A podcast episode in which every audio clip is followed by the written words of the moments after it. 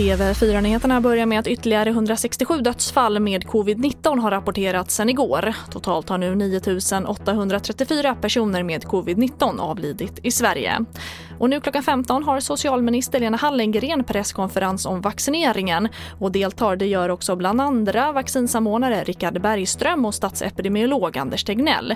Och du kan följa den på tv4.se.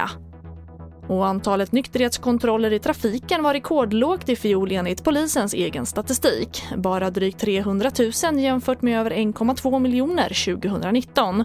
Orsaken är att myndigheten pausade de rutinmässiga utandningsproven på grund av smittrisken. Men även om pandemiåret sticker ut har antalet nykterhetskontroller minskat kraftigt det senaste decenniet.